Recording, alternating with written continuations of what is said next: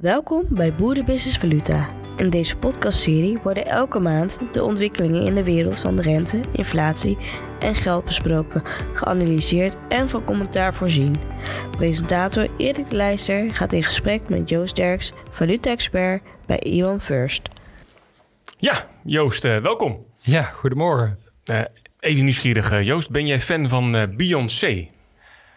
mijn kinderen vooral. Ja. Denk ik. Jij niet? Jij... Ik, ik, zou niet eens een nummer op kunnen noemen, heel nou, eerlijk gezegd. Als ik het hoor, denk ik, oh ja. Maar uh, nee, ik ben dus geen diehard fan. Ja, nee, ik, ik, vraag dat even, want dat was uh, afgelopen week in het nieuws. Dat, dat twee concerten, Beyoncé heeft er uh, Europese tour afgetrapt in Stockholm. Ja. In Zweden, met, met twee concerten. En nou, nu blijkt, zijn die, die twee concerten verantwoordelijk ervoor... dat de inflatie in, in Zweden in mei minder is gedaald dan verwacht. Ja. Want die zou eigenlijk met 0,6 procentpunt moeten dalen. Maar nu is dat eigenlijk maar 0,2 procentpunt ja. geworden. Tot 8,2 procent ook inflatie uh, daar in Zweden. En dat kwam door Beyoncé, want die trok zoveel mensen uit het buitenland dat hotels duur werden. Nou, ja, ja. alles in Stockholm duur werd. Maar kan jij je voorstellen dat, dat, dat twee, twee, concerten. Dat dat zo'n impact heeft? Dat dat zo'n impact heeft? Ik vind het uh, bijzonder, laat ik het zo zeggen. ja. Maar, maar, hoe zal dat komen? Want het, de, Zweedse kroon schijnt niks of een stuk minder waard te zijn geworden. Eén concertkaartje kostte daar maar omgerekend 56 euro. Nou, daar dromen nou, hier in Nederland van. Ik kan net zeggen, dat is niet heel erg duur, toch? Nee, maar wat, is daar in Zweden aan de hand? Ook met die hoge inflatie? Um, nou, eigenlijk hetzelfde zoals we hier hebben. Uh, je hebt daar uh, uh, Zweden ik denk dat ze daar ook heel erg veel uh, loonkoststijging hebben. Uh, ze hebben natuurlijk ook veel uh, energie die ze importeren. Ze hebben wel heel veel, denk me nu, veel wind- en waterkracht-energiecentrales natuurlijk. ze hebben wellicht wat olie, maar veel minder dan Noorwegen. Ehm, en blijkbaar hebben de, de Zweden toch de rente niet hoog genoeg opgetrokken ja. om die inflatie naar beneden te krijgen. En ehm, uh, zoals we hier in, in, in, Europa zien en in Amerika.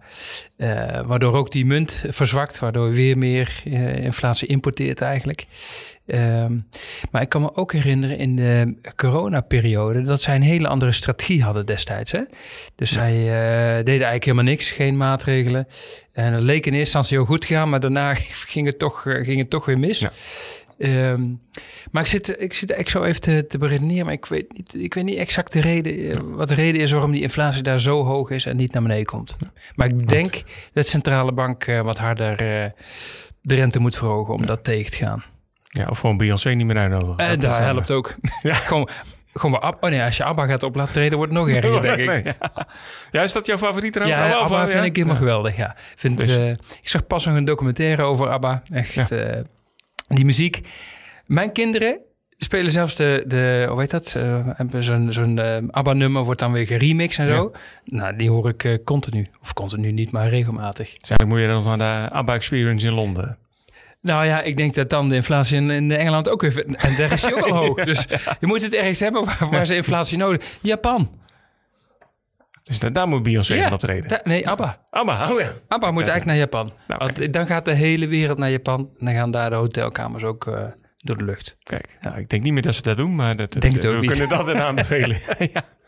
Ik trouwens te denken, hier had Harry Styles verleden week drie concerten, maar dat, dat heb ook weinig uh, dan op de inflatie in uh, Amsterdam Arena van doen. Nee, ja, ik had nog nooit van Harry, van Harry wie gehoord? Harry, Styles? Harry, Harry Styles. Harry Styles. Harry, Harry Styles.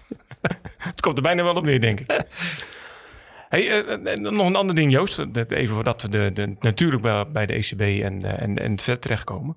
Maar we hebben ook een droogterecord in Nederland te pakken. Zo. 33 dagen al, uh, of ruim 30 dagen droog, laat ik het zo zeggen.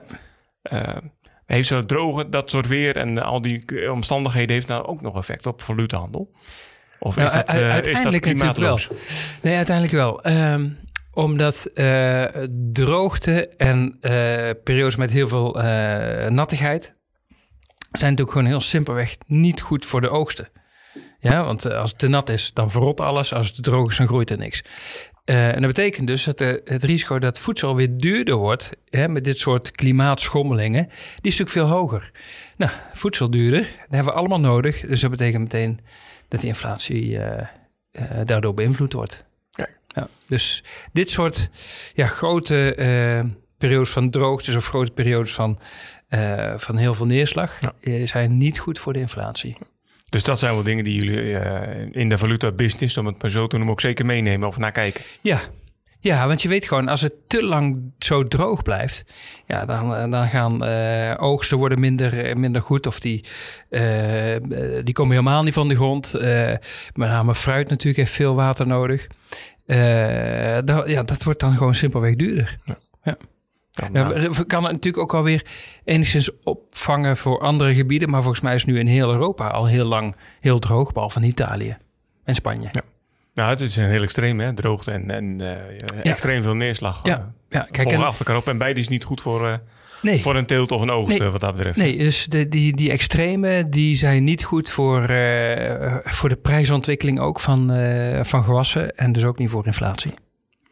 Nou, dat is een, een, een, een logische stap dan naar de Europese Centrale Bank. Want die Mhm. probeert juist al wat tegen inflatie te doen. Hij heeft eh, gisteren, donderdag, eh, besloten de rente weer met 0,25 procentpunten te verhogen. Ja. De depositierente is nu 3,5 procent. Het hoogste rentepercentage in 22 jaar voor de historici. Eh, maar goed, dat had de markt al ingecalculeerd. Eh, maar doet zo'n verhoging dan nog iets met de markt? Of heeft dat dan nog effect? Of?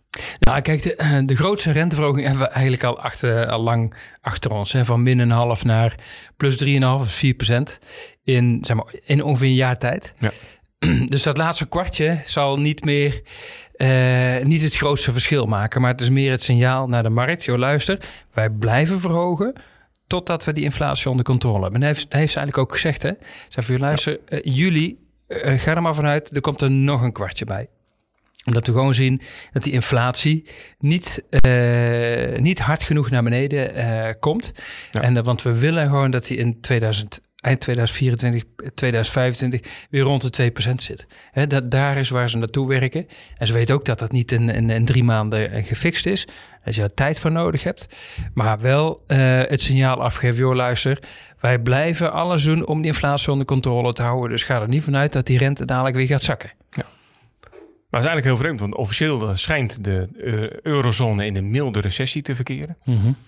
Ja, maar De mildste recessie die je kan bedenken. Ja, ik zeggen, maar, 0,1. maar er, er is niemand die eh, daar nou zich zorgen over lijkt te maken of daar, daar ook gewacht van maakt. hè. Nee, en Terwijl normaal dat, eh, nou paniek niet, maar Ja. toch wel zorgwekkend zou worden genoemd. ja, maar de, wat ik al zeg, die, die recessie is heel erg mild. Hè? Het is eh 0,1 eh, 0,1 procent. Of min 0,1 procent. Dus ja, eh, als het negatief is, is het eh, technisch een recessie. Nou, Ja. 0 procent is geen recessie. Ja? Dus min 0,1 is het laagste dat je kan hebben. Ehm, waarom mensen zich niet zoveel zorgen maken, is omdat die arbeidsmarkt nog heel krap is. Hè, dus iedereen die zijn baan heeft, ja, die blijft gewoon, die kan zijn dingen kopen, die kan zijn dingen consumeren, die kan gewoon lekker, lekker doorgaan met waar hij mee bezig is. Op het moment dat dat gaat veranderen, dan gaat het heel rap. Want op het moment dat jij je baan niet meer hebt, inkomenszekerheid valt weg, dan ga je in één keer heel veel minder uitgeven.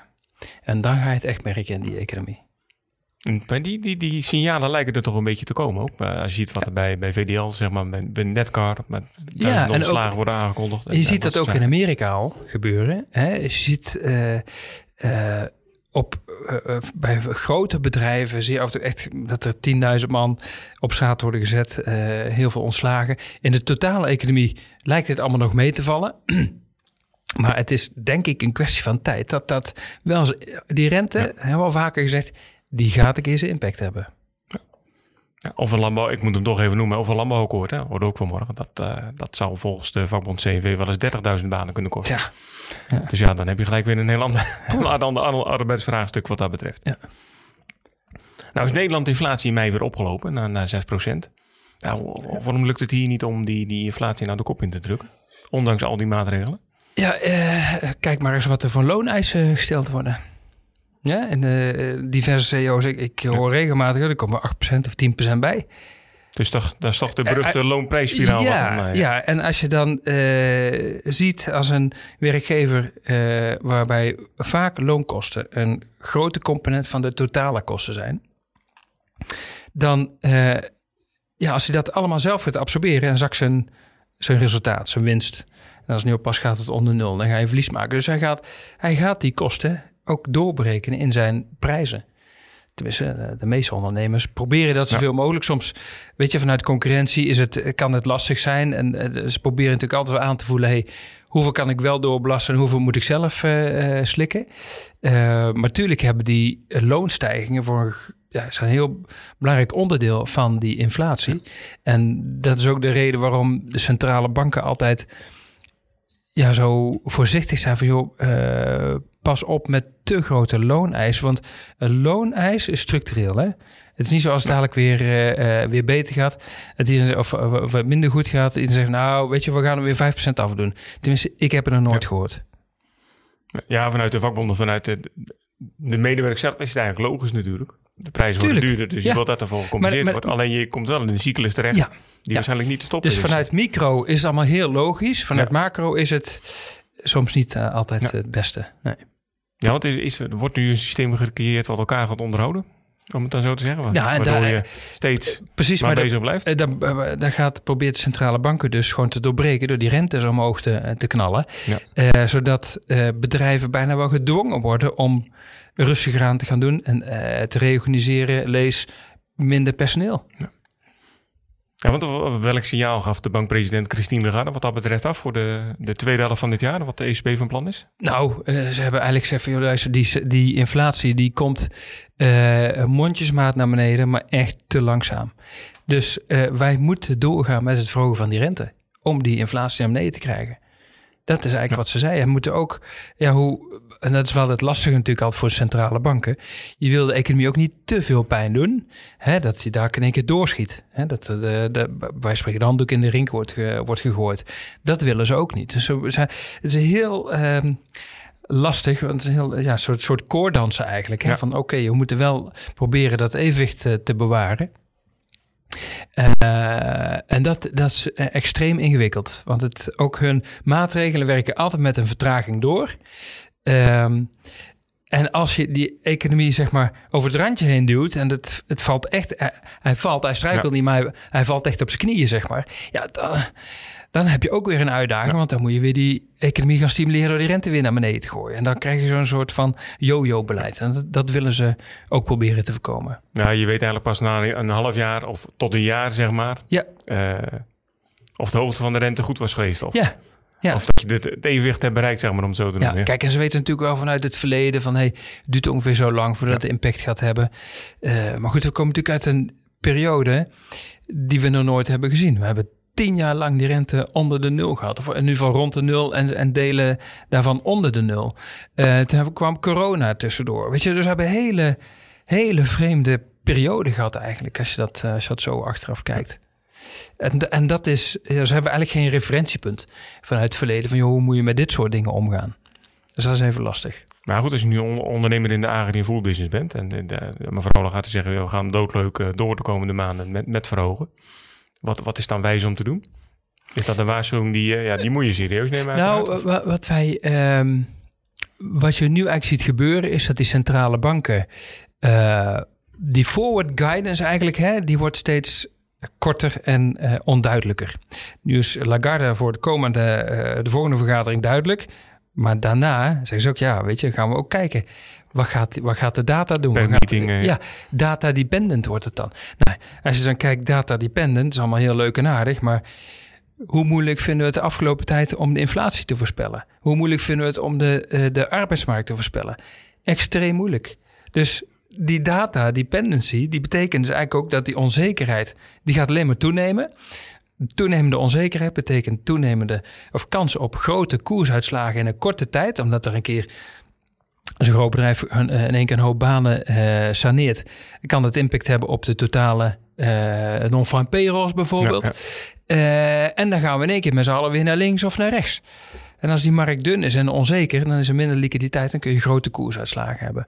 Dus mijn advies, of ons advies eigenlijk naar klanten toe, is van: oké, okay, als je even naar euro-dollar kijkt. De koers staat nu eigenlijk op het, ja, sinds anderhalf jaar tijd op bijna het hoogste niveau. Als je naar twee jaar uh, terugkijkt, want toen kwamen we van 1,15 af. Ja. Nou, we zijn naar 95 geweest, staan nu zeg maar bijna 1,10. Zit je ruim boven het gemiddelde van de afgelopen twee jaar. ik denk dat het niet verkeerd is om hier een bodem in te leggen. Dus zorg dat je risico afgedekt hebt. Maar hou die upside zoveel mogelijk open. En daar zijn, uh, daar zijn oplossingen voor. En uh, dat betekent dus eigenlijk dat je jezelf een, uh, op valutair gebied zeg maar, wat rust inbouwt voor, ja, voor de zomer, maar ja. wellicht ook voor nog veel, veel langer. dat je een onderkant inbouwt. En als die euro-dollar toch hoger gaat, nou, dan doe je daar voor een deel aan mee. Ja. Helder. Dus zo zou ik eigenlijk als, uh, als bedrijf naar mijn, naar mijn valutarisico kijken. Omdat er zoveel onzekerheden zijn nu. En, ja, want hou jij wel, inderdaad wel wat, wat dat betreft voor de tweede helft van het, van het jaar rekening met een, een groeiende economische onrust? Als ik jou zo hoor. Hè? Ja, ja, ja, ik denk dat dat. Uh, um, Weet je, er zijn zoveel signalen dat, er, uh, dat het wat minder gaat met de economie. Uh, als dadelijk. Uh, hoe heet het? die economie echt, die echt doorkomt in de cijfers. Wij horen van veel klanten dat ze nog veel voorraad hebben, bijvoorbeeld. En dus nu minder bestellen. Ja. Nou, meer voorraad betekent dat er gewoon de vraag naar beneden gaat. En die voorraad is natuurlijk ook, hè, is allemaal, omdat we zo uit zo'n rare periode komen, die voorraad is, is hoog, omdat toen in coronatijd het moeilijk was te voorspellen wanneer de producten überhaupt geleverd en aan zouden komen, hè, gemaakt zouden worden en aan zouden komen, ook in de, in de uh, hoe heet dat, in de, de warehouses. Um, dat die ondernemers ja, liever duur dan niet te koop. Dus gewoon uh, besteld hebben. Want ja, je wil wel kunnen leveren. Ja. Um, dus die voorraden die zitten vol. En nu zien we gewoon dat het al wat onzekerder wordt. De rente gaat stijgen. Consument is wat voorzichtiger. Moet ook, heeft de druk om uh, veel te investeren voor zonnepaneeltjes, verduurzaming van het huis, et cetera. Slokt ook een stuk van het besteedbaar inkomen op. Ja, dus je ziet gewoon dat die economie, de consument gewoon even wat rustiger aan doet. En dus meer voorraad zijn en minder ingekocht wordt. Dus dat zijn voor ons eerste signalen dat die uh, economie echt wel aan het afkoelen is op het moment. En dat betekent dus ook dat er, als we dadelijk hè, die, de centrale banken data-dependent worden. Nou, we hebben nu, je noemt net zelf ook het weer, hè, met die, uh, de voedselprijzen. Ja. Belangrijk onderdeel van de totale inflatie. Meer onzekerheid betekent grotere koersuitslagen. En je kunt je nu relatief goedkoop indekken voor, de komende, voor het komende jaar. Ja, want eigenlijk alles wordt extreem als ik jou zo dan hoor. Ja, je, weersextreme, ja. koersextreme. Ja, maar ook je ziet, uh, kijk alleen maar naar het weer. Het, het is zo, nu in mei, of in, nu zitten we inmiddels in juni, maar dat we hier met uh, drie weken lang bij wijze van spreken op uh, 25 graden plus zitten. Ja, ja. Hè, en een maand, je zei net zelf, meer dan een maand ja. uh, heeft, is er geen druppel gevallen. En daarvoor regent het de hele tijd. Dat ja. kan je niet meer voorstellen. Maar nee. zo, uh, ja. zo loopt het, ja. Um, je noemde het net even, Eurodollar. Kijken we toch even naar de andere kant van de plas in de, in de Verenigde Staten. Want mm -hmm. daar heeft de uh, centrale bank Fed afgelopen woensdag voor de eerste keer in lange tijd de rente ongemoeid gelaten. Daar staat de rente inmiddels al op 5 tot 5,25 procent. Ja. Al een tikje hoger dan en hier in uh, Europa. Is, is dat terecht dat ze even gezegd hebben, joh, uh, we gaan even de on hold en we kijken wat er gebeurt? Ja, ik denk het wel. Ja, ik denk dat ze hier uh, verstandig gaan doen. ik denk ook dat ehm, de Fed heel slim heeft gezegd voor jongens, luister, de kans dat we die rente straks weer wel moeten gaan verhogen, die is zeker wel aanwezig. En dat betekent dus gewoon echt bespelen van de markt. Want de markt ging die prijzen eigenlijk in het najaar en rentedaling in. Nou, we weten allemaal wat er gebeurt. Van, hey, de snoepwinkel uh, gaat straks weer open. hey, dan gaan we straks je snoep kopen. Ja? Dus dat betekent dat als, je, als de markt denkt, nou die rente gaat straks weer omlaag, dan gaan we gewoon lekker door. Met consumeren en met investeren, et cetera. En dat is precies wat de Fed niet wil. Hè? Dus die heeft heel duidelijk signaal afgegeven, joh, luister, het kan zomaar zijn dat wij die rente straks wel weer gaan verhogen. En in juli wordt dus al een grote kans ingeprijsd nu dat die rente inderdaad omhoog gaat. We hebben hetzelfde gezien in Canada en Australië. Hebben ze ook een pauze ingelast. Drie maanden later, inflatie niet onder controle, weer een renteverhoging. Ja, want in de, ook in de Verenigde Staten blijft die, die, die kerninflatie zelfs nog 5,3 procent. Dus Ja. dat, dat is het Ja. probleem Ja, we zagen nog wel de- voorbij, zeg maar. We zagen wel, de CPI die komt wel echt wel naar beneden. Hè? die Dus komt op 4, ja. Ja, klopt die zat ja. op 4%, dus wat, eh, de maand ervoor nog 4,9. Dus die, die zakt nu wel. Eh, wat een goed teken is. Maar één- we weten ook, één zwaluw maakt nog geen zomer. Oh, wat het wel zomer is natuurlijk. maar ja, dat- Je noemde net even de euro-dollar koers uitgebreid. Maar die, eh, eh, dat die de euro sterker wordt, is het echt eh, dankzij de euro zelf te danken? Of meer aan de, aan de kant van zwakte bij de dollar? Het zijn altijd twee kanten van de medaille. Ja, dus de ene kant is natuurlijk de, het renteverschil wat kleiner wordt in, tussen de dollar en de euro. Nou, waar de euro nu dan van profiteert. Hè. Vorig jaar zagen we precies het andere, de, de tegenovergestelde beweging. Eh, rente liep in het voordeel van de dollar, werd de dollar sterker. Nou, dus nu zie je een tegengestelde beweging. En de andere kant is natuurlijk ook van ja, weet je, die, eh, eh, de verwachting van, eh, van die Fed, die wordt ook wat bijgesteld. Tuurlijk zijn zij eerder, eerder be- begonnen en waarschijnlijk ook eerder bij, het, bij de top van de rente. Ehm, eh, en is het, ja, lijkt het erop alsof ook, ja, als je ook naar de beurzen kijkt, die gaan vrolijk weer verder. Ja. Dus dat, eh, die staan allemaal nog eh, dik eh, op hoge niveaus. Dus ja, ook die, die safe haven rol van de dollar is nu eventjes wat, wat teruggedringen. Maar dat kan zo weer terugkomen. hè? Dat blijft ook extreem wat dat Ja. betreft. Dat blijft in deze de podcast heel de hele tijd terugkomen. Onzekerheid. Dan gaan we even naar onzekerheid en extremiteit kijken. Misschien is dat een kleine stap naar het Verenigd Koninkrijk. Daarvoor gaat de Bank of England eh, volgende week op 22 juni pas over de, over de rente. Eh, maar de inflatie lag daar het laatste cijfer in april nog steeds op een kleine 8%.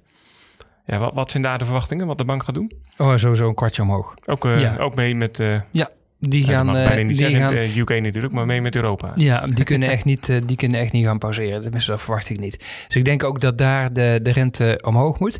Niet alleen voor de inflatie, maar ook... Kijk, de verwachting was vorig jaar dat de UK echt in een hele zware, lange recessie zou komen. Ook niet. eh, Dat is niet gebeurd.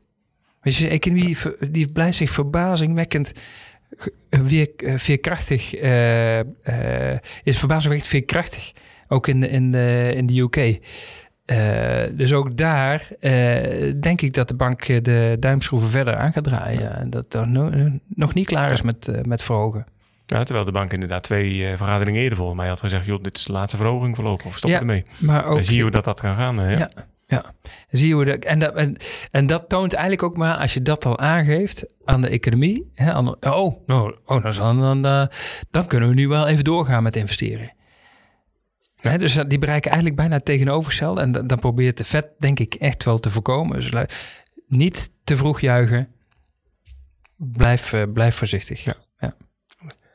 Aan de andere kant zie je de, de europond, zie je de pond juist sterker worden. De, de, de laatste tijd ook. Die eh, staat nu, vanmorgen stond hij op eh 0,85 pond of 85 pence of pennies. eh. Ja. Dat is eigenlijk het laagste niveau eh, van de euro in, in 10 maanden tijd. Ja. hoe, hoe kan dat dan? Nou, ik, ik denk dat dat komt omdat er zo ontzettend veel slecht nieuws was ingeprijsd.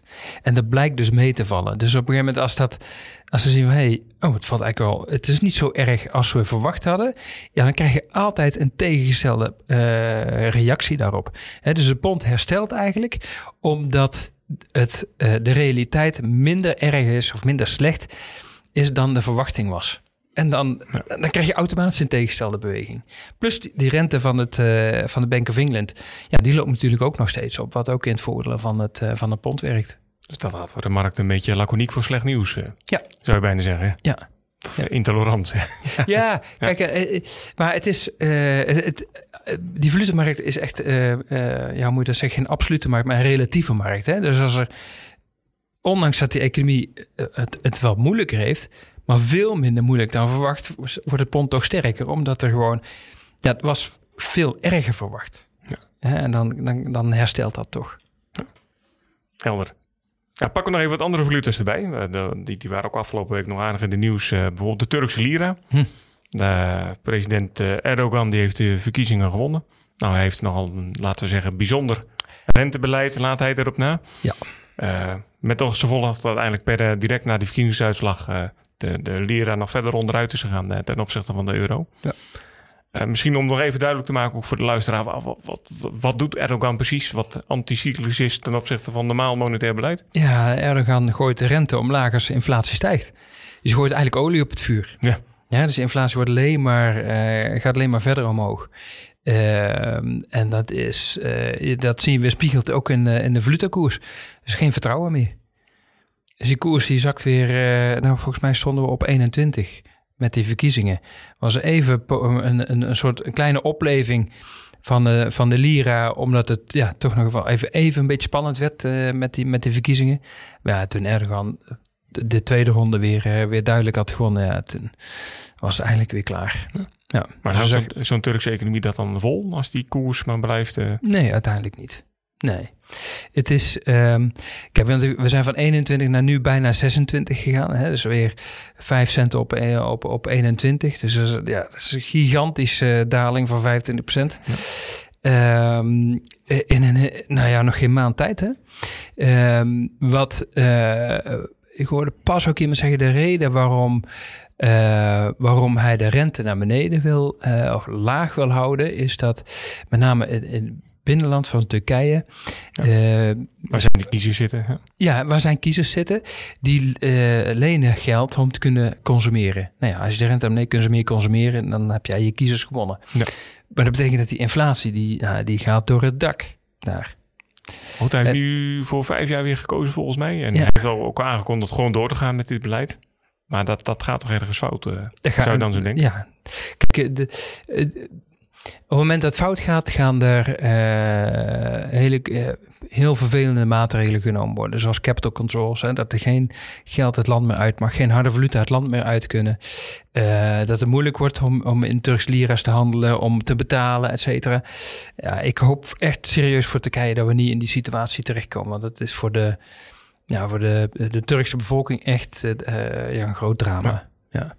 En een president van zijn statuur, zeg ik dan een beetje ironisch, die kan dat niet uh, voorkomen, dat soort uh, nou ja, door, gevolgen? Het enige wat hij kan doen is het beleid aanpassen. Want de financiële ja. markt is keihard, hè?